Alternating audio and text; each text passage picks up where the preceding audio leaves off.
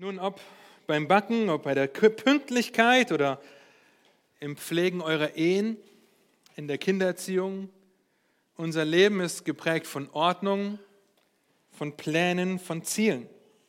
Aber warum ist das so? Ich bin davon überzeugt, dass das mit dem Schöpfer zusammenhängt, mit Gott selbst, der von Ewigkeit her ein Ziel verfolgt. Und was ist dieses Ziel? Seine Ehre in Ewigkeit, auch durch die Verherrlichung seiner Kinder aufgrund der Gnade, die uns in Christus Jesus zuteil geworden ist. Gerade eben hat uns Daniel die Anweisung für die Stiftshütte weitergelesen, in dem Fall der Brandopferaltar. Wir sehen Gottes sorgfältiges, systematisches, genaues Vorgehen, dieses Zelt nicht irgendwie zu bauen, sondern mit einem ganz bestimmten Ziel. Nicht wie eure Kinder vielleicht mit Wäscheklammern, Wolldecken, einem Stuhl, einem Sofa oder einem Stativ und dann im Wohnzimmer. Nein, sein Plan ist in einzelne genaue Abschnitte unterteilt und nicht einfach, baut mir ein Zelt und verrichtet euren Dienst dort. Es sind zehn Kapitel über die Stiftshütte, bevor sie in 2. Mose 40 eingeweiht wird. Und wir denken, das ist doch nur ein Zelt. Nein, wir sehen, es ist Gottes genaue Planung. Und wir sind im Bild Gottes geschaffen. Wenn auch nicht mehr in dem ursprünglichen, wunderbaren, herrlichen Zustand, der in der Lage war, mit Gott im Garten spazieren zu gehen. Und Gottes Plan sündlos und vollständig umzusetzen, sind wir dennoch im Bild Gottes geschaffen. Und für uns alle ist es im Hier und Jetzt sehr deutlich und sehr klar, dass ein Leben in dieser Gesellschaft ohne Zielsetzung und Plan nicht zusammen, nicht funktionieren kann. Wenn ihr verheiratet seid, denkt an eure Hochzeitsvorbereitungen. Denkt an den Hausbau. Denkt an den Lehrplan in der Schule. Denkt an Studiengänge, an Urlaube, an das öffentliche Leben. Und was passiert, wenn zum Beispiel die öffentlichen Verkehrsmittel nicht so fahren wie geplant? Ohne Zielsetzung und einen Plan würde unsere Gesellschaft im Chaos enden. Und das ist uns allen klar. Aber warum fällt es uns so schwer, das Prinzip der Zielsetzung und dem damit verbundenen Plan so häufig auf unser geistliches Leben anzuwenden? Warum streben wir so häufig nicht nach dem Ziel, unsere Sünde geplant abzutöten und die Mittel der Heiligung anzuwenden, um geistlich zu wachsen? Weil die Schrift fordert uns auf, auch das eifrig zu planen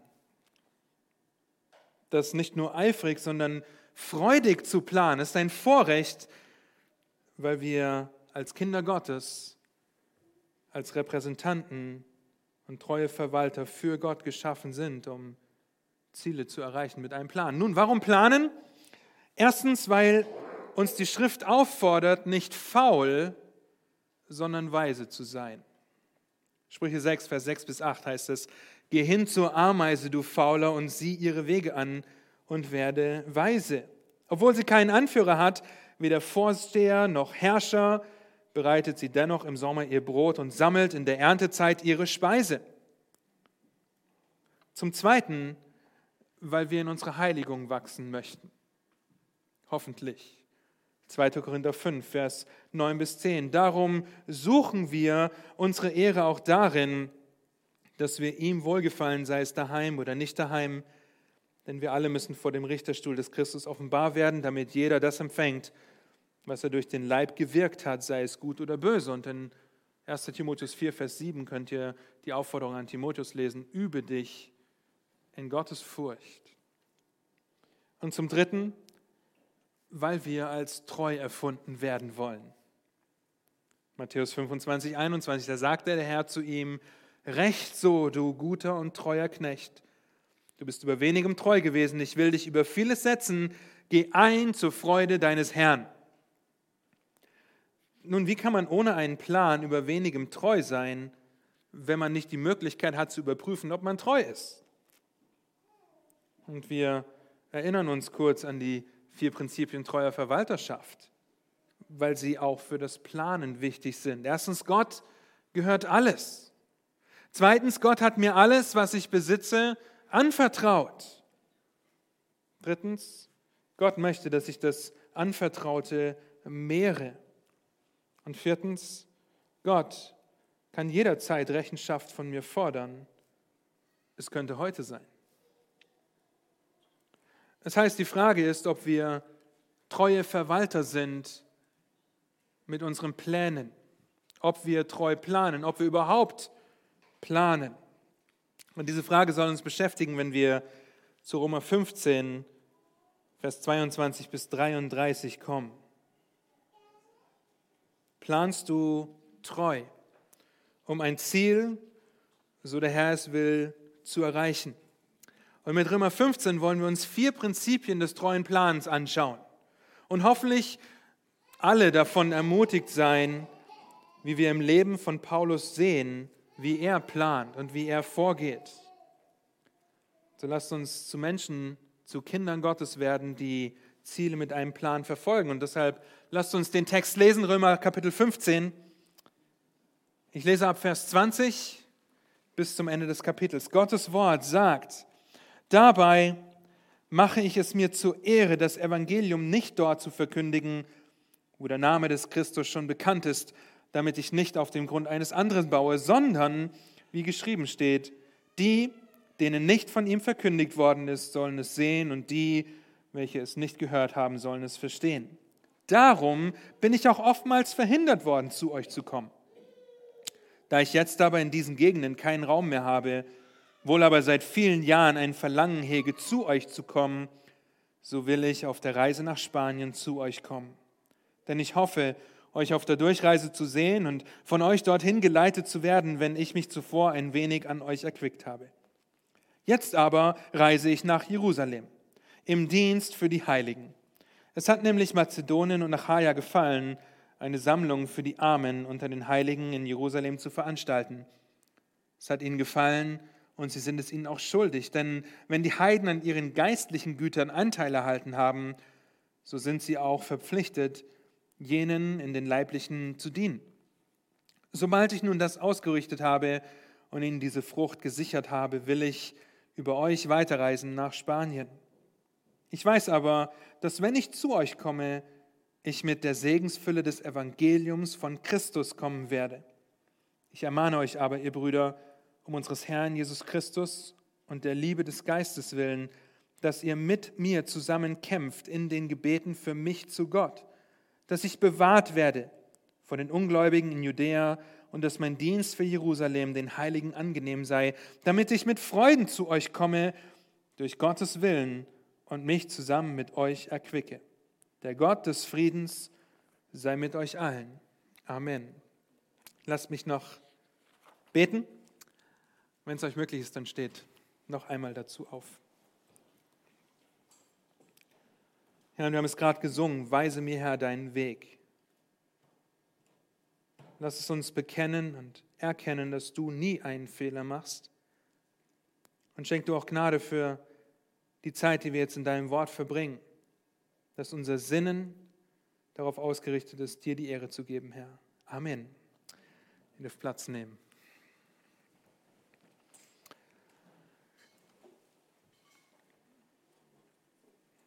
In Römer Kapitel 15, ab Vers 15, kommt Paulus zum Abschluss seines Briefes. Wir haben uns in den letzten knapp anderthalb Jahren Mittwochabends mit dem Römerbrief beschäftigt. Er kommt zum Ende seines Briefes und geht zu den Abschlussworten über. Das Rahmenziel von Paulus war es, das Evangelium überall dort zu verkündigen, wo es noch nicht gepredigt wurde, haben wir gerade in Vers 20 und 21 gesehen. Er ist nicht willkürlich von Dorf zu Dorf gezogen, nein, er ist geplant vorgegangen, um seine Ressourcen treu zu verwalten. Er ist von Großstadt zu Großstadt gezogen. damit an diesen wichtigsten Handelsknoten der damaligen Zeit das Evangelium verkündigt wird, Gemeinden gegründet werden und durch die entstandenen Gemeinden die Umgebung mit dem Evangelium erreicht wird. Ein gut ausgearbeitetes Ziel, das einen guten Plan braucht, um es zu erreichen. Ich meine, Reiserouten, Gespräche mit der aussendenden Gemeinde in Antiochia, Abhängigkeit von Gott und seiner Führung und noch so viel mehr hat Gott letztendlich gebraucht, um Paulus und auch viele Mitstreiter auf das Missionsfeld zu schicken. Paulus verfolgt also das Ziel, das Evangelium überall dort zu verkünden, wo es noch nicht verkündigt wurde. Ringsum sehen wir. In unserem Text lesen wir in Vers 22, dass er aufgrund dieses Ziels oftmals verhindert wurde, nach Rom zu gehen. Aber dann Vers 23a. Da ich jetzt aber in diesen Gegenden keinen Raum mehr habe. Ziel erreicht. Der Plan, das Evangelium dort zu verkündigen, wo es noch nicht verkündigt wurde, zustande gekommen, abgeschlossen.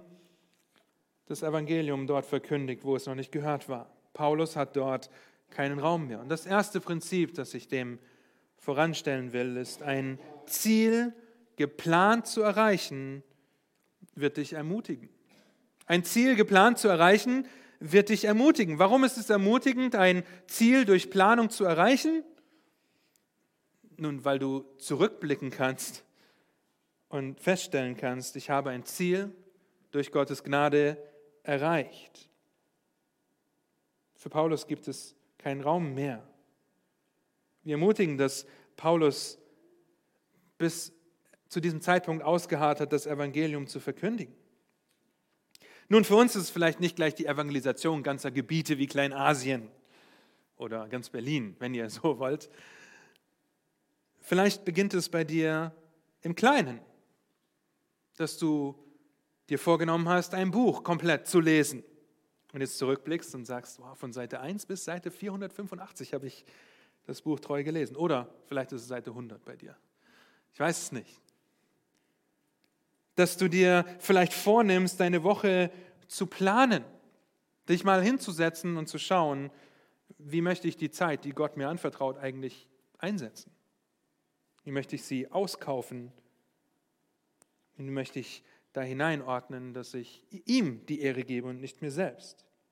Das heißt, wenn wir ein Ziel vor Augen haben, das wir durch einen Plan erreichen möchten, immer in der Abhängigkeit von Gott, sehen wir gleich noch, dann werden wir sehr ermutigt sein, wenn wir rückblickend ein Ziel erreicht haben. Und das wird uns anspornen, was zu tun.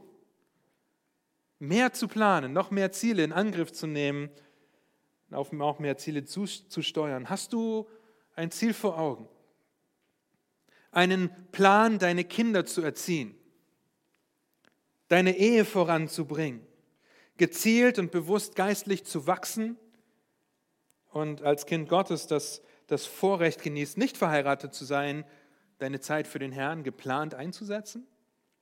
Ein Ziel geplant zu erreichen ist sehr ermutigend, wenn der Herr Gnade schenkt, um es zu erreichen. Paulus hat sein Ziel erreicht. Es gibt keinen Raum mehr für ihn dort in dieser Gegend. Er hat das Evangelium verkündigt. Das heißt für ihn aber nicht, sich jetzt gemütlich zurückzulehnen und sagen, Ziel erreicht, ich habe fertig. Nein, Paulus ist sich dessen bewusst, dass er erst fertig ist, wenn er in die Ewigkeit einkehrt und die sichtbare Gegenwart seines Herrn und Retters genießt. Dessen ist sich Paulus bewusst und wir sehen das zweite Prinzip. Plane, um ans Ziel zu kommen, in der Abhängigkeit Gottes. Sprich 16, Vers 9, das habt ihr auf eurem Wochenblatt, da heißt es, das Herz des Menschen denkt sich seinen Weg aus, aber der Herr lenkt seine Schritte. Und Paulus, wir wissen das, er kannte sich im Alten Testament aus wie in seiner Westentasche. Er war ein Mann mit einem Plan. Er war ein Mann mit einem großen Ziel vor Augen, das Evangelium überall dort zu verkündigen, wo es noch nicht verkündigt wurde. Das war sein großes Ziel. Ein Weg, ein Plan für ihn, dieses Ziel zu erreichen, war es, offensichtlich nach Spanien zu reisen, um auch dort das Evangelium zu verkündigen. Wir haben gelesen, dass Paulus bis jetzt oftmals verhindert wurde, diesen Plan in die Tat umzusetzen. Ihm wurde wörtlich etwas in den Weg gestellt. Trotzdem plant er. In der Abhängigkeit von Gott hat er den festen Entschluss, bei seiner Reise nach Spanien auch die Römer zu besuchen. Er plant trotz Verhinderung. Und wenn ihr ganz zurück an den Anfang des Römerbriefs geht, dann seht ihr, in welcher Abhängigkeit Paulus plant. Römer Kapitel 1. Römer Kapitel 1, da heißt es ab Vers 9, denn Gott, dem ich meinen Geist, in meinem Geist diene, am Evangelium seines Sohnes, ist mein Zeuge, wie unablässig ich an euch gedenke, indem ich alle Zeit in meinen Gebeten flehe, ob es mir nicht endlich einmal durch den Willen Gottes gelingen möchte, zu euch zu kommen. Denn mich verlangt danach, zu euch zu sehen, um euch etwas geistliche Gnadengabe mitzuteilen, damit ihr gestärkt werdet. Das heißt aber, dass ich mitgetröstet werde unter euch durch den gegenseitigen Austausch eures und meines Glaubens. Ich will euch aber nicht verschweigen, Brüder, dass ich mir schon oftmals vorgenommen habe, zu euch zu kommen. Ich wurde aber bis jetzt verhindert, um auch unter euch etwas Frucht zu wirken, gleich wie unter den übrigen Heiden. Er wurde oft verhindert, jetzt nicht mehr. Jetzt kann er kommen und er plant das in der Abhängigkeit von Gott, trotz Verhinderung. Unsere Pläne kommen nicht immer zustande. Oder unsere Pläne kommen auch nicht immer so zustande, wie wir das gerne hätten weil der Herr letztendlich die Schritte lenkt. Aber das sollte einen Paulus nicht davon abhalten zu planen. Das sollte dich und sollte mich nicht davon abhalten zu planen. Paulus plant trotz Verhinderung. Das Ziel von Paulus, das Evangelium überall zu verkündigen, war vorher noch nicht abgeschlossen und hatte Priorität. Trotzdem hindert es ihn nicht daran, diesen Plan nach Spanien zu gehen, zu fassen. Jetzt ist das Ziel erreicht oder dieses Teilziel erreicht, ein neuer Plan kann in die Tat umgesetzt werden und auf ein neues Ziel abzielen. Wenn ihr Verse 22 und 23 in Römer 15 aufmerksam lest, dann stellt ihr fest, dass Paulus langfristig geplant hat. Er ist oftmals verhindert worden, Vers 22, und er hegt seit vielen Jahren ein Verlangen zu den Geschwistern nach Rom zu kommen. Wie viele das Jahre das sind, wissen wir nicht. Können wir nicht sagen. Das ist aber auch nicht so wichtig. Wichtig ist, dass Paulus das hier deutlich macht und er in der Abhängigkeit von Gott der Pläne zustande kommen lässt. Ob es der Wille Gottes sei, haben wir gerade in Römer 1 gelesen, dass er lange im Voraus Pläne hatte, um Ziele zu erreichen. Planst du langfristig?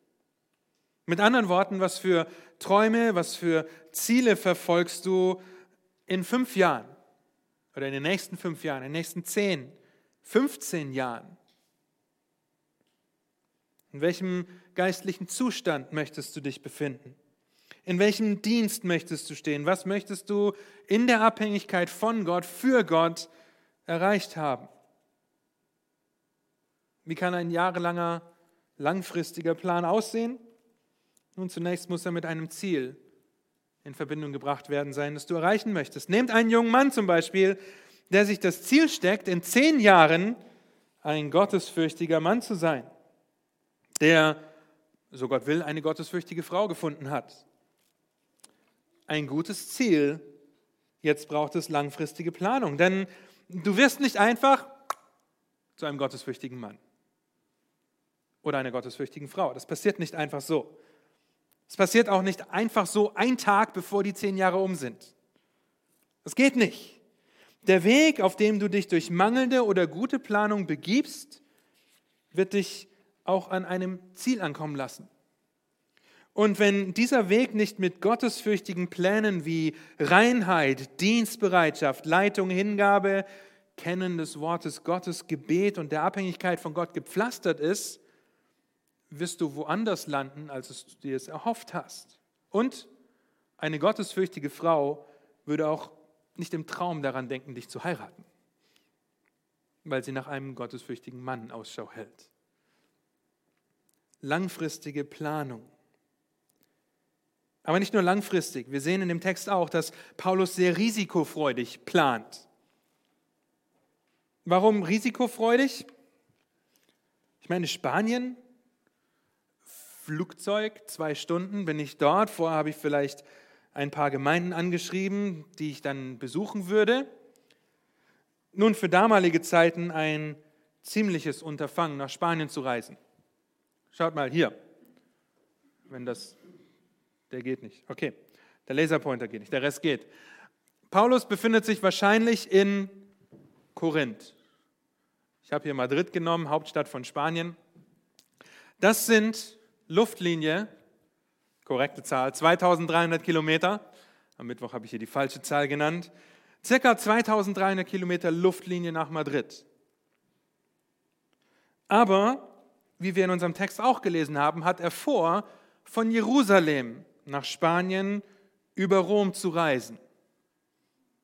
Das sind circa 2300 Kilometer Luftlinie nach Rom und circa 1350 Kilometer von Rom nach Spanien, wenn es um die Luftlinie geht. Das heißt, Paulus hat vor, 3650 Kilometer Luftlinie zu überwinden. Und wenn ihr die Karte genau anschaut, wenn ihr sie erkennen könnt, dann seht ihr, dass da ziemlich viel Wasser dazwischen ist. Meer. Paulus hat also vor, diese Strecke zu überwinden in einer Zeit, in der man mit einem Holzboot übers Meer rudern oder segeln musste. In einer Zeit, in der Herbergen unterwegs eher Bordellen glichen, in der Räuber, Diebe, Prostituierte, Säufer und der letzte Abschaum unterkam.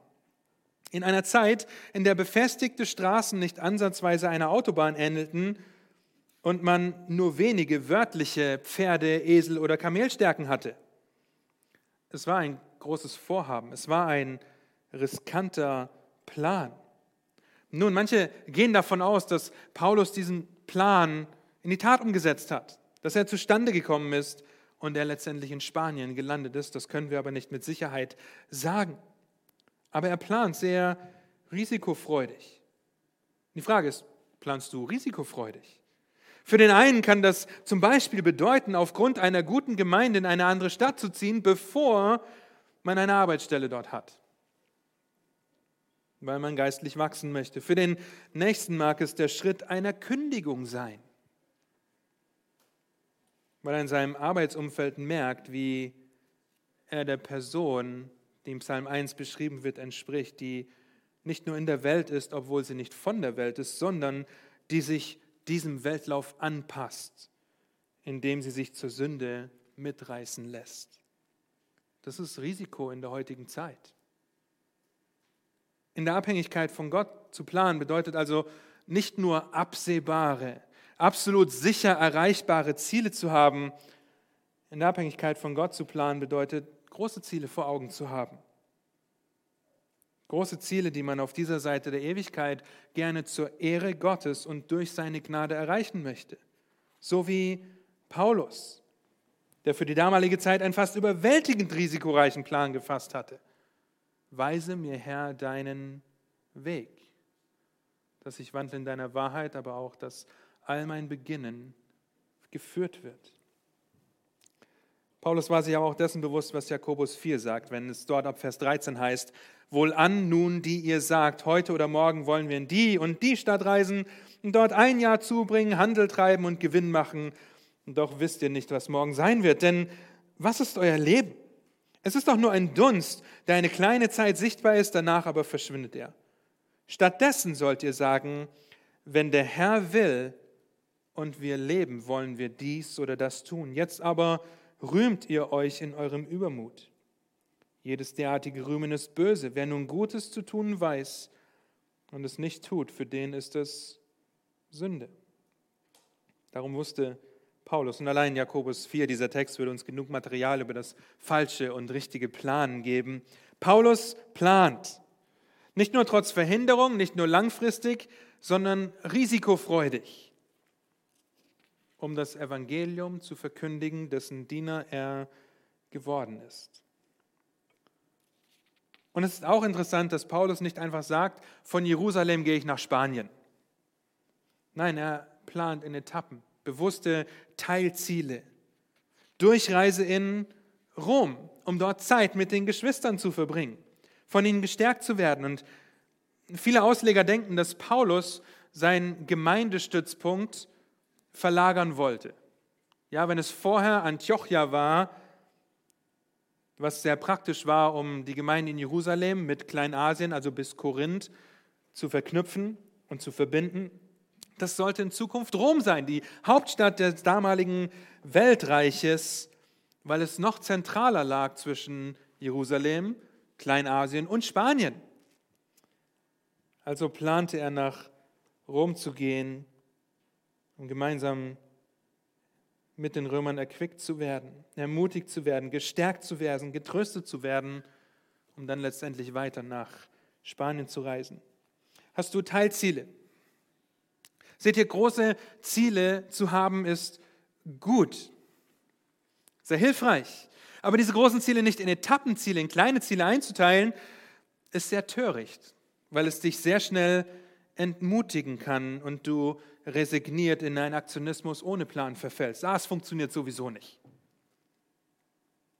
Nehmen wir an, dein großes Ziel ist es, Gottes Wort zu kennen, um den Gott des Wortes zu kennen, besser zu kennen. Dazu gehört als Teilziel zum Beispiel im kommenden Jahr, 2022 ist nicht mehr so weit weg, im kommenden Jahr die Bibel einmal durchzulesen. Was wirst du aller Wahrscheinlichkeit benutzen, um dieses Ziel zu erreichen? Einen Bibelleseplan. Wir planen das. Warum? Weil ich gerne wissen möchte, das ist ein, ein ziemlich dickes Buch. Von 1. Moses Offenbarung weiß ich um einige Durststrecken, die da kommen können. Chronik und 3. Mose vielleicht, wobei das wunderbare Bücher sind, wie Daniel uns auch aufgezeigt hat. Aber ich mache mir einen Plan, damit ich weiß, okay, ich muss nicht jeden Tag ganze Bücher lesen, sondern drei bis fünf Kapitel, um in einem Jahr durch die Bibel zu kommen. Teilziele, um ein großes Ziel zu erreichen. Oder nehmen wir die Ehe.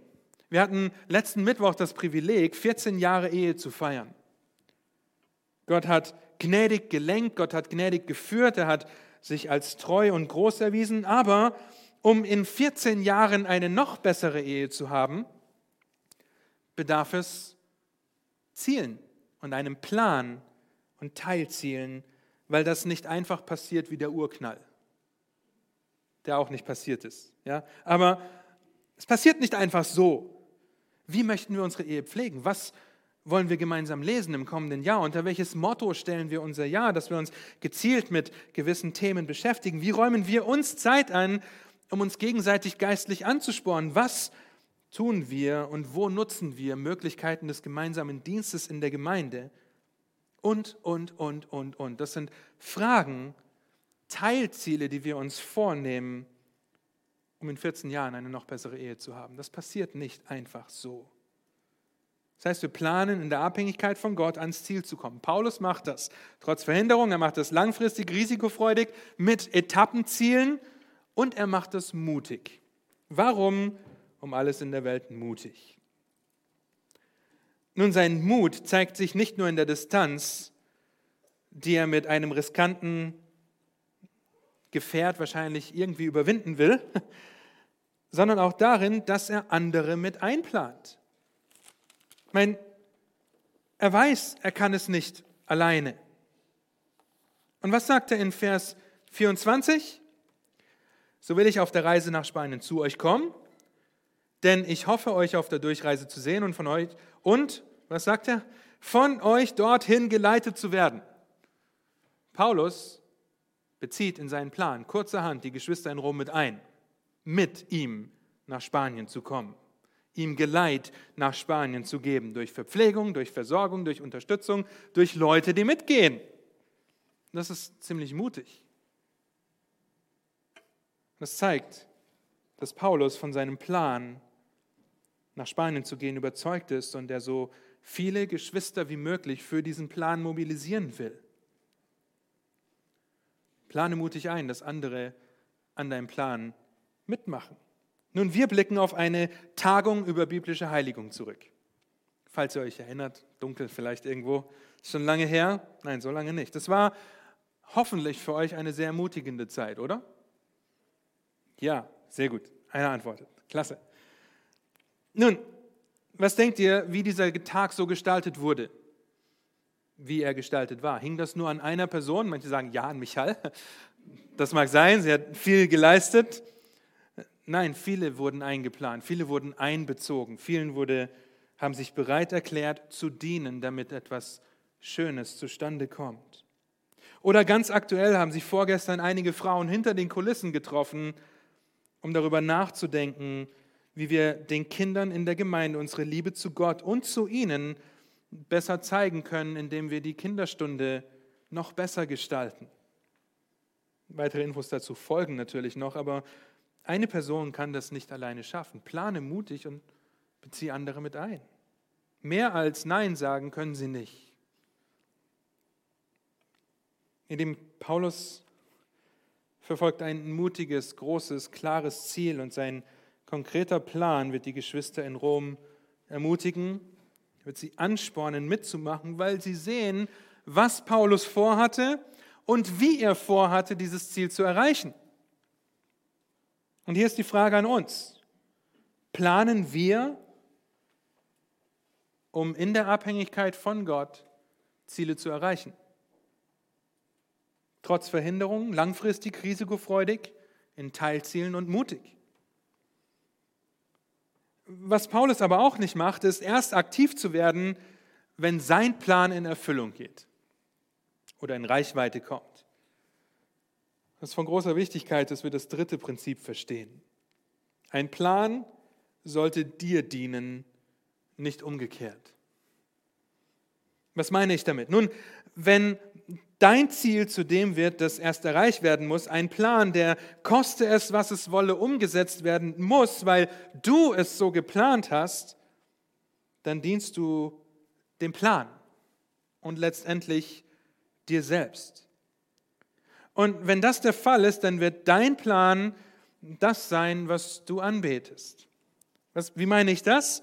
Du reagierst irritiert, du reagierst wütend, frustriert, unverständig, sorgenvoll, enttäuscht, traurig und ungeduldig, wenn du deinen Plan nicht umsetzen kannst oder dir andere einen Strich durch die Rechnung machen.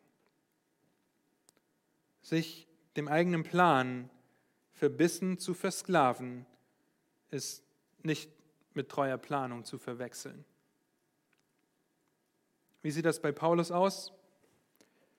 Nun, selbst wenn er den Plan gefasst hat, nach Spanien über Rom zu gehen, dient er im Hier und Jetzt.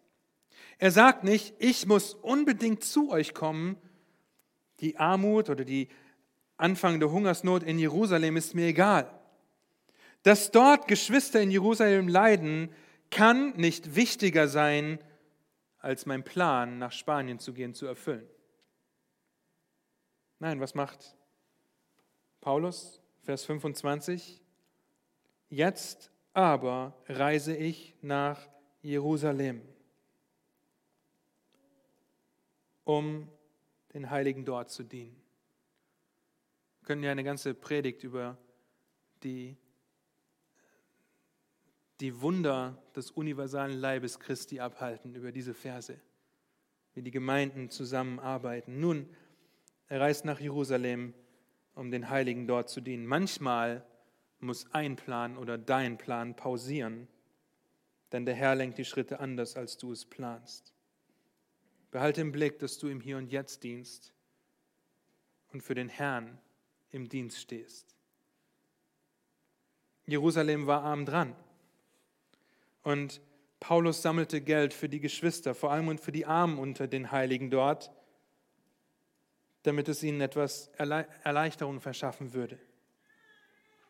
Ihr könnt das in der Apostelgeschichte lesen, im Philipper, Thessalonicher, Korintherbrief. Und hier lesen wir, dass die Geschwister in den Regionen Mazedonien und Achaia gegeben haben und dass sie Gefallen daran hatten. Das heißt, sie haben es freiwillig getan.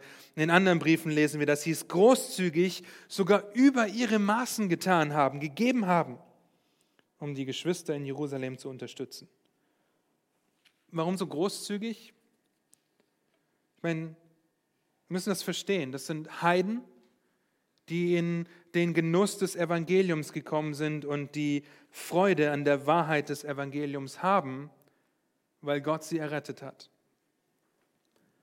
Aber woher kommt ihre Errettung? Aus Israel. Jesus war ein Israelit aus dem Stamm Juda, aus dem erwählten Volk Gottes. Das heißt, ihre geistliche Versorgung sollte sie dazu anspornen, die Geschwister in Jerusalem leiblich zu versorgen, weil sie Schuldner sind. Seht ihr das in Vers 27? Sie sind es ihnen auch schuldig. Und sofort kommt Römer 1, Vers 14 uns in den Sinn, wo Paulus sich selbst als Schuldner dem Evangelium verpflichtet beschreibt. Wenn dein Plan pausieren muss, weil du anderen dienen kannst, dann diene nicht deinem Plan, sondern dem, der dich errettet hat. Das kann bedeuten, dass du deinen Urlaub streichst und anstatt, nicht deinen Urlaub streichst, aber anstatt in den Urlaub zu fliegen, bei einem Camp oder bei einer christlichen Freizeit mithilfst. Es kann bedeuten, dass dein Tag nicht so läuft, wie du es dir vorgestellt hast, weil du einen unverhofften Anruf bekommst oder dein Kind mehr Aufmerksamkeit benötigt, als du es gerne hättest, oder Gott etwas anderes hört mir gut zu, etwas Besseres in dein Leben lässt, weil er den perfekten Plan hat. Diene nicht dem Plan. Es geht um die Liebe zu Gott und die Liebe zum Nächsten. Paulus lebt im Endeffekt das, was er von den Römern fordert. Okay? Es hat einen Grund, warum wir diesen letzten Teil im Römerbrief die Freude an der Anwendung des Evangeliums nennen und jeder Predigtitel, wenn ihr das zurückverfolgt im Predigtarchiv, in einer Frage formuliert ist. Paulus lebt Römer 12, Vers 1 und 2, die Grundlage für diesen ganzen Abschnitt. Ich ermahne euch nun, ihr Brüder, angesichts der Barmherzigkeiten Gottes, dass ihr eure Leiber darbringt als ein lebendiges, heiliges, Gott wohlgefälliges Opfer. Das sei unser vernünftiger Gottesdienst. Und übrigens beinhaltet das deine Pläne und Ziele der vernünftige Gottesdienst. Und passt euch nicht diesem Weltlauf an, sondern lasst euch in eurem Wesen verwandeln durch die Erneuerung eures Sinnes, damit ihr prüfen könnt, was der gute und wohlgefällige und vollkommene Wille Gottes ist. Paulus gibt sich als Opfer dar. Das sehen wir auch in Kapitel 15, in Vers 16. Er ist ein Diener, der priesterlich dient, damit das Opfer der Heiden wohl annehmbar wäre. Er gibt sich als priesterliches Opfer dar und hält nicht verbissen an seinem Plan fest. Das wäre anpassen an diesen Weltlauf. Ich, meiner, mir, meins. Nein, sein Plan dient ihm, das Ziel das Evangelium zu verkündigen, zu erreichen. Er dient nicht seinem Plan, unbedingt nach Rom oder Spanien zu müssen, weil es um Gott und das Evangelium geht und nicht um den Plan.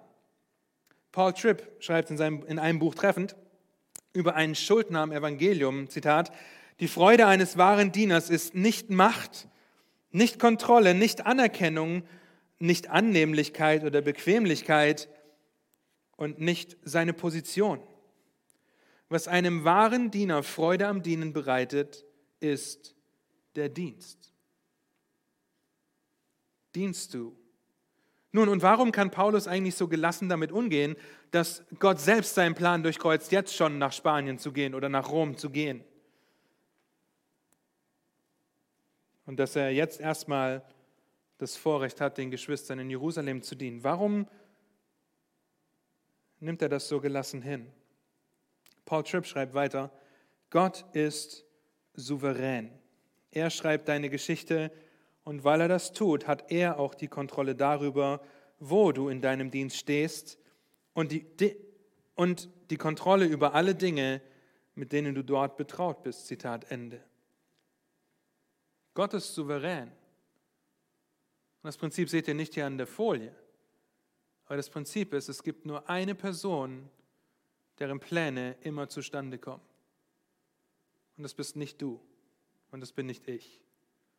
Es ist Gott allein. Deshalb diene Gott und nicht deinem Plan. Kann es sein, dass deine Reaktion auf Umstände, auf Beziehungen, die nicht so laufen, wie du es geplant hast, aufzeigen, dass du eher deinem Plan oder dir selbst dienst, anstatt deinen Plan zu benutzen, um zu dienen? Dem souveränen Gott zu dienen, der die Schritte lenkt? Welches Ziel verfolgst du zum Beispiel in deiner Kindererziehung? Wenn es unsere Aufgabe ist, unsere Kinder in der Zucht und der Mahnung des Herrn zu erziehen. Zeigen deine Reaktionen vielleicht, dass es um etwas anderes geht? Vielleicht um gehorsame Kinder, damit du im Supermarkt oder der Gemeinde Anerkennung bekommst. Also wirst du zu einem rigorosen, strengen, autoritären, schreienden, unkontrollierten, aus Wut handelnden Vater der nur will, dass seine Anerkennung gewürdigt wird. Und sagst dir, ich kann mit meinen Kindern erst wieder rausgehen oder in die Gemeinschaft gehen, wenn sie gehorsam sind. Also wirst du wütend, wenn sie nicht sofort gehorsam sind, bist aber auch nicht bereit, die biblischen Maßstäbe der Schrift treu anzuwenden. In dem Fall dienst du dir selbst mit der utopischen Vorstellung, dass kleine ungläubige Kinder gehorsam sein könnten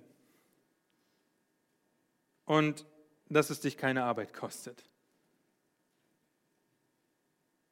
Hast du einen Plan und dienst du deinem Plan oder dienst du deinem Gott? Oder dienst du deinem Plan als dein Gott? Diene dem, der Plan soll dir dienen, nicht umgekehrt. Und eine Randbemerkung zu dem Plan, den Paulus hatte, die Geschwister in Rom zu besuchen. Wir sehen in den Versen, im Vers 28 und Vers 29 schon fast die, die feste Überzeugung, dass er hundertprozentig nach Rom kommen wird. Ja, wenn ich das gemacht habe, dann komme ich zu euch. Ich weiß aber, dass wenn ich zu euch komme, ja, als ob er das wüsste. Es kann sein, einige Ausleger denken, dass Gott ihm das offenbart hat. Und wir wissen, was das Ziel war von Gott mit Paulus, dass er den Namen Christi, das Evangelium, für die Heiden und die Könige bringt, unter viel Leid und Schmerzen. Also gehen Sie davon aus, dass Gott ihm diese Pläne offenbart hat. Schließlich war Paulus ein Apostel, der großartig von Gott gebraucht wurde. Was ich damit jetzt nicht sage, worauf ich nicht hinaus will, ist, dass Gott dir erst ganz genau zeigen muss, wo dein Leben hingeht. Ja, außer in die Ewigkeit, das wissen wir, weil es in Gottes Wort geoffenbart ist. Aber Gott wird dir nicht sagen, wo du morgen oder in fünf Jahren stehen wirst, geistlich. Ja, oder dass du in fünf Jahren äh, Missionar auf Haiti bist. Keine Ahnung. Ja, so wie Paulus das vielleicht wusste, äh, dass er nach Rom reisen würde. Darum geht es jetzt aber auch gar nicht hier. Sein Plan ist es, mit den Geschwistern in Rom getröstet, ermutigt, erquickt zu werden. Hat Paulus es unseres Wissens nach nach Rom geschafft? Fragezeichen. Ja oder nein? Ihr dürft antworten. Ihr nickt, jawohl. Ja, er hat es geschafft. Hat er es so geschafft, wie er es sich vorgestellt hat? Nein. Okay? Als Gefangener unter Hausarrest und später als Gefangener tatsächlich im Gefängnis. Und, und selbst dort, wo Paulus Plan wahrscheinlich nicht so aufgegangen ist, wie er sich das vorgestellt hat, oder es ihm vielleicht auch vorgestellt wurde, beziehungsweise Gott lügt nicht, aber wenn er gesagt hat, du gehst nach Rom, dann geht er nach Rom, er hat sich das anders vorgestellt. Selbst dort verkündigt er das Evangelium und ist nicht frustriert, dass er zwar in Rom ist, aber nicht Teil der Gemeinde sein kann. Paulus dient dem Herrn Jesus Christus als Schuldner am Evangelium dem Evangelium, das ihn so großartig gerettet hat. Sein Plan unterstützt dieses Ziel. Wenn der Plan nicht so zustande kommt, wie er das plant, verliert er das Ziel nicht aus den Augen, weil der Plan uns dienen sollte und nicht du deinen Plan. Wir haben es jetzt gesehen, dass ein Ziel geplant zu erreichen uns ermutigen wird. Wir haben gesehen, dass es wichtig ist, trotz Verhinderungen risikofreudig, langfristig in Teilzielen und mutig in der Abhängigkeit von Gott zu planen. Und wir haben gesehen, dass der Plan uns dabei dienen sollte, zu dienen und wir nicht unserem Plan dienen sollten. Und das vierte Prinzip findet ihr hauptsächlich in den Versen 30 bis 33. Ein Ziel mit einem Plan zu verfolgen erfordert Offenheit, Gebet, Rechenschaft und Vertrauen. Ohne dass Paulus seinen Plan offenlegen würde, würde niemand was von seinem Plan wissen. Und wir haben ihn heute noch, knapp 2000 Jahre später. Ja, aber sein Plan ist offensichtlich, nach Spanien zu reisen und unterwegs in Rom vorbeizukommen, um erquickt zu werden, um ermutigt, gestärkt, getröstet zu werden, um den Römern zu dienen und mit ihnen im Glauben gefestigt zu werden. Er möchte, dass die Römer seine Absicht kennen, mit der er plant, zu ihnen zu kommen, nämlich einige von ihnen mitzunehmen nach Spanien. Nun, wenn du planst, lass andere Anteil daran haben, damit sie sehen, was dein Ziel ist und dich darin anspornen können, das zu erreichen. Vers 30 zeigt Paulus uns, dass Planung im Gebet umkämpft werden muss. Er bittet die Römer, mit ihm gemeinsam für Bewahrung und einen ermutigenden Dienst in Jerusalem zu beten, weil er gerne mit Freuden, und das Gegenteil ist Betrübnis, nicht Betrübnis zu ihnen kommen möchte. Auch du musst deine Pläne und Ziele im Gebet umkämpfen. Denn nicht zu beten entzieht dich bewusst der Abhängigkeit von Gott. Nicht zu beten wird dich darin unterstützen, deinem Plan zu dienen und letztendlich dir selbst zu dienen. Nicht zu beten ist wie aufzuhören zu atmen und zu versuchen, die Luft so lange wie möglich anzuhalten. Nicht zu beten wird dich in Scham versinken und nicht zum Thron der Gnade gehen lassen. Nicht zu beten wird dich vom Evangelium wegtreiben. Nicht zu beten wird dazu beitragen, dass du deine Feinde verbittert hassen wirst. Nicht zu beten wird dich entmutigen und hoffnungslos zurücklassen, wenn etwas nicht so läuft, wie du es willst, wie du es geplant hast. Nicht zu beten bedeutet stillschweigend, lautstark zu verkündigen, dass du meinst, mehr Macht über deine Ziele, deine Pläne und deine Umstände zu haben als Gott. Wenn du eine Person sein willst, die treu plant, dann ist das eigene Gebet und die Fürbitte anderer eine absolute Notwendigkeit. Im Gebet umstritten. Die Geschwister in Rom kennen das Ziel und die damit verbundenen Pläne des Apostels. Paulus ist ziemlich deutlich darin, die Geschwister aufzufordern, mit ihm zu beten. Das ist dasselbe Wort in 12 Vers 1. Ich ermahne euch, Brüder. Wir sehen, wie Paulus sie zur Rechenschaft zieht und Rechenschaft von ihnen einfordert. Denn biblische Rechenschaft ist das gegenseitige Anspornen zu Liebe und zu guten Werken, aber auch das Offenlegen der Ziele und Pläne und das Bitten um die Teilhabe der anderen. Fordere Rechenschaft ein. Ich kann mich an unsere Verlobungszeit erinnern, in der einige ausgewählte Freunde und Geschwister unsere Regeln kannten, unseren Plan kannten wie wir mit dem Ziel der Ehe im Blick uns reinhalten wollen. Sie kannten diesen Plan. Sie wussten, wie wir miteinander umgehen kann, wollten. Und wir haben sie darum gebeten, uns zur Rechenschaft zu ziehen, für uns zu beten, weil wir wussten, dass uns das anspornen wird, den Plan zur Reinheit, zur Ehre Gottes einzuhalten. Eben, und das ist Rechenschaft. Andere daran teilhaben zu lassen, wie du Gott die Ehre geben willst. Das fordert Paulus. Er zeigt den Plan. Er will, dass die Römer für ihn beten, dass er bewahrt wird und dass, er, dass der Dienst angenehm ist. Und was denkt ihr, was werden die Römer, wenn er letztendlich zu ihnen kommt, was werden sie ihn fragen? Hat Gott dich bewahrt vor den, wie heißt es hier, vor den ungläubigen Judäer? Und war dein Dienst angenehm für die Geschwister in Jerusalem? Wie hat das ausgesehen? Was hast du getan, dass du es ihnen, dass du es ihnen so angenehm wie möglich gemacht hast? Sie werden ihn fragen.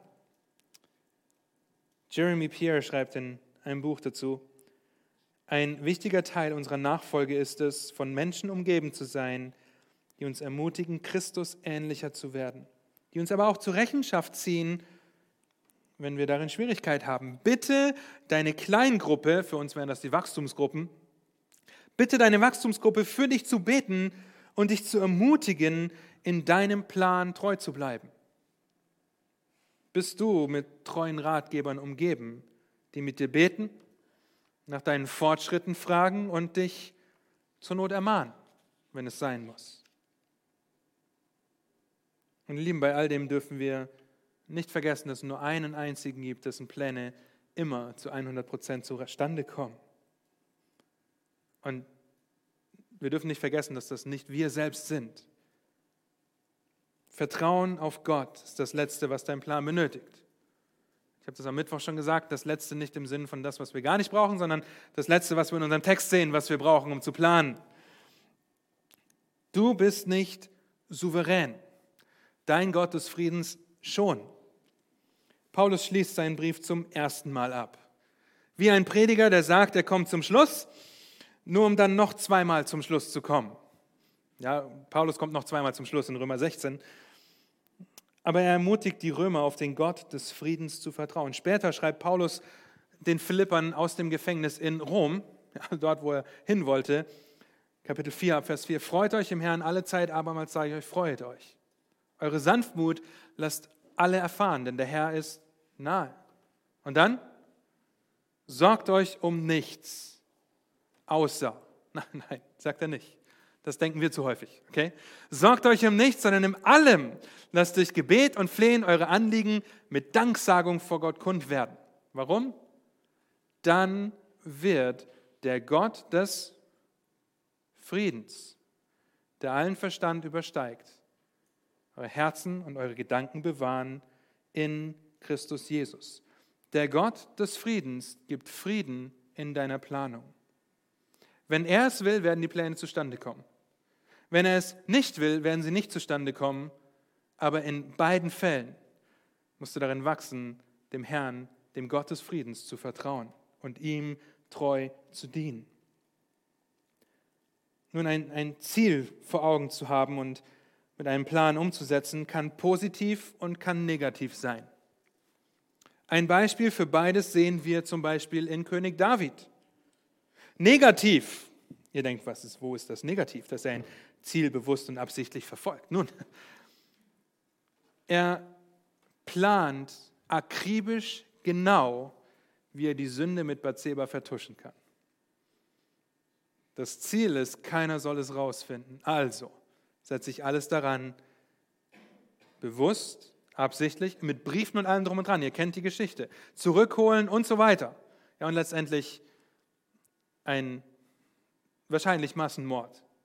Ja, weil er nicht gesagt haben wird, Uriah soll alleine an die Front gehen, sondern er sollte mit den anderen Soldaten an die Front gehen. Er wollte vertuschen und er hat akribisch bis ins kleinste Detail geplant. Und weltlich gesehen wäre das vielleicht nie rausgekommen. Aber wer sieht, was das Herz sagt? Gott selbst. Und wen schickt er? Nathan, um ihn zu überführen? Er tut Buße. Also er kann, wir können negative Pläne schmieden, nur um zu kriegen, was wir wollen. Und uns dabei versündigen. Auf der anderen Seite sehen wir bei David, dass er ein Ziel verfolgt, den Herzenswunsch hatte, dem Herrn ein Tempel, ein Haus zu bauen. Der Bundeslade eine Ruhestätte zu geben, wie er sagt. Er hatte Pläne, Gedanken, Ideen. Aber Gott hat gesagt, nein, du nicht. Zu viel Blut an deinen Händen. Aber das hat David nicht daran gehindert, den Plan zu haben und damit verbundene Pläne auszuarbeiten, die er dann seinem Sohn übergeben konnte. Salomo, der letztendlich in sieben Jahren, langfristige Planung, ja, den Tempel aufgebaut hat. Beides sehen wir in David. Wenn ihr in der Gebetsstunde heute wart, wir haben Psalm 101 gelesen. David hatte ganz klare Pläne, wie er von der Gnade und dem Recht Gottes singen will. Ich will lauter wandeln. Ich will meine Augen fernhaben von allem Schändlichen. Ich will nicht heucheln und so weiter. Lest Psalm 101, um zu sehen, dass David geistliche Ziele verfolgt hat und dass er sie ganz bewusst und ganz ausgearbeitet und genau verfolgen wollte. Planst du treu? Das ist die Frage an diesem Nachmittag oder schon Abend. Nun, vielleicht bist du, gehörst du zu den Personen, die überhaupt kein Problem damit haben, sich Ziele zu überlegen. Alle möglichen Ziele. Hast aber nur selten eins erreicht, weil du nicht planst. Tue Buße und zur Buße gehört Veränderung. Nimm dir ein oder zwei dieser Ziele und überlege unter den gerade betrachteten Prinzipien einen Plan, diese Ziele zu erreichen. Vielleicht hast du auch kein Problem damit, Ziele zu setzen und sie mit einem Plan zu erreichen. Deine Herausforderung mag aber sein, dass es irdisch gesinnte Ziele sind, die du erreichen willst, unbedingt erreichen musst, koste es, was es wolle. Viel Urlaub, viel Geld, einen Ehepartner, Kinder, den perfekten Körper, ein Haus, ein Auto und, und, und, und, und. Nun auch hier zur Buße gehört Veränderung. Bitte Gott, dass er dir dabei hilft, ihn mit deinen Zielen und Plänen zu repräsentieren und überdenke deine Ziele in der Abhängigkeit von Gott. Vielleicht machst du aber auch nichts von beidem. Weder Ziel noch Plan und lebst also ein ziel- und planloses Leben in einem willkürlichen Aktionismus, ganz nach dem Motto einer Feuerwehr in Amerika, wenn wir ankommen, sehen wir, wo wir hin mussten. Mal schauen, was passiert.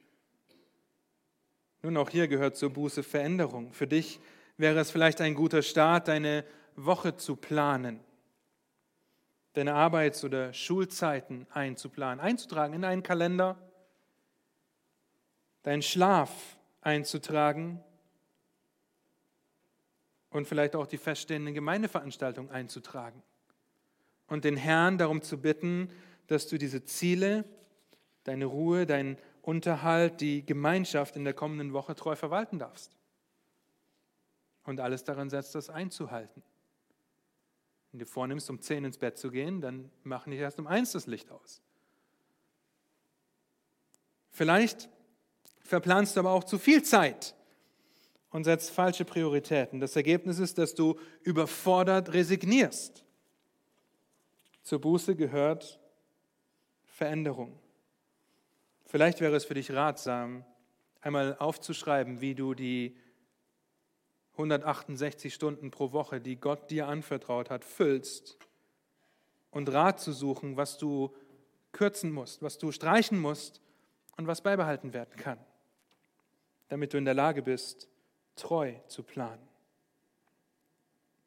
Nun, in jedem der gerade genannten Fälle werden wir uns alle wahrscheinlich zu dem einen oder anderen Grad wiederfinden, vielleicht auch gleichzeitig in mehreren, weil das Leben nicht linear verläuft, sondern es viele Bereiche gibt. Die einen fallen uns leichter zu planen, die anderen fallen uns schwerer zu planen. In allen diesen Fällen verfehlen wir das Ziel, Gott würdig zu repräsentieren, ihm würdig zu wandeln, der uns in seinem Bild geschaffen hat. Vielleicht sitzt du jetzt aber auch hier und denkst, Hammer. Ich will nach Hause gehen und will planen. Und deine erste Aktion, überhaupt ein treuer Planer zu sein, muss sein, dass du dein Vertrauen und dein Glauben auf den Herrn Jesus Christus setzt. Anstatt darauf zu vertrauen, dass deine Ziele und deine Pläne dich gut werden oder gar in den Himmel kommen lassen. Es ist in nur einem Namen das Heil zu finden. Und das ist nicht dein Name auch nicht meiner. Das ist der Name des Herrn Jesus Christus. Glaube dem Evangelium, der erste Schritt zum treuen Plan. Vielleicht gehörst du aber auch zu denen, die ein Ziel haben, wo sie geistlich in einem, in fünf Jahren, in zehn Jahren, in 15 Jahren stehen wollen. Du hast dich hingesetzt, um einen Plan zu erstellen. Ich weiß, einige von uns sagen, 15 Jahre, da plane ich beim Herrn zu sein. Ja, keine Frage. Aber vielleicht hast du dir Ziele gesetzt und gehst Schritte und bist dir bewusst, dass der Herr diese Schritte lenkt, dann möchte ich dich ermutigen und möchte dich anspornen, an diesem Plan festzuhalten und gleichzeitig dich auch ermahnen und ermutigen, andere anzuspornen, indem du ihnen deine Ziele und wie du dort ankommen möchtest, erreichen willst, sie ihnen offenlegst und sie darum bittest, dich im Gebet zu unterstützen und dich zu fragen, wie es funktioniert. Nun, ich kann euch nicht sagen, wie ermutigend das ist, wenn der Herr schenkt, dass ein Ziel durch treue Planung zustande kommt. Wenn auch nicht immer so, wie wir das geplant haben.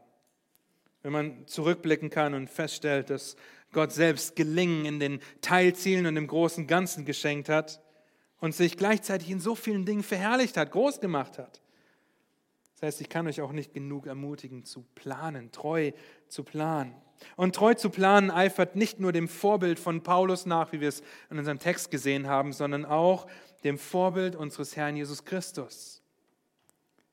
Dem Vorbild unseres Herrn Jesus Christus, der vor Grundlegung der Welt den Plan gefasst hat, dich und mich zu seinen Kindern zu machen. Der von Anfang an wusste, dass dazu seine ungerechten Verhöre gehören, diese Justizskandale, die wir gerade im Markus-Evangelium betrachten, dass er von Anfang an wusste, dass seine Ablehnung dazu gehört, seine Verleugnung, sein grausamer Tod am Kreuz als Teilziele, als Etappenziele, um der vor ihm liegenden Freude willen, nämlich mit dir und mir gemeinsam die Ewigkeit zu verbringen in der er letztendlich alle Ehre bekommt. Nun, ich hoffe, ich konnte dich ermutigen, eine Person zu werden, die treu plant. Im Kleinen wie im Großen. Und bei alledem sei der Gott des Friedens mit uns allen. Amen. Amen. Lass mich noch beten. Herr, und wir danken dir dafür, dass wir in deinem Bild geschaffen sind Herr, nicht nur das, sondern dass du durch das Geben deines Sohnes am Kreuz dieses Bild wiederhergestellt hast und wir eine neue Schöpfung sind, die täglich mehr und mehr in das Bild deines Sohnes verwandelt wird. Hilf du uns, dass wir nicht nur die Pläne in unserer Gesellschaft für selbstverständlich nehmen, sondern dass wir eifrig und treu planen, wie wir dir die Ehre geben wollen in unserem Leben wie wir dir die Ehre geben wollen in deiner Gemeinde und wie du letztendlich erhöht wirst dadurch, dass wir treu planen in der Abhängigkeit von dir, weil du derjenige bist, der die Schritte lenkt und weil du derjenige bist, dessen Pläne zustande kommen. Und so bete ich, dass du uns ermahnst und ermutigst, dass wir nicht nur Hörer des Wortes sind, sondern auch Täter. Herr, dass wir treu planen, damit du verherrlicht wirst, Herr. Amen.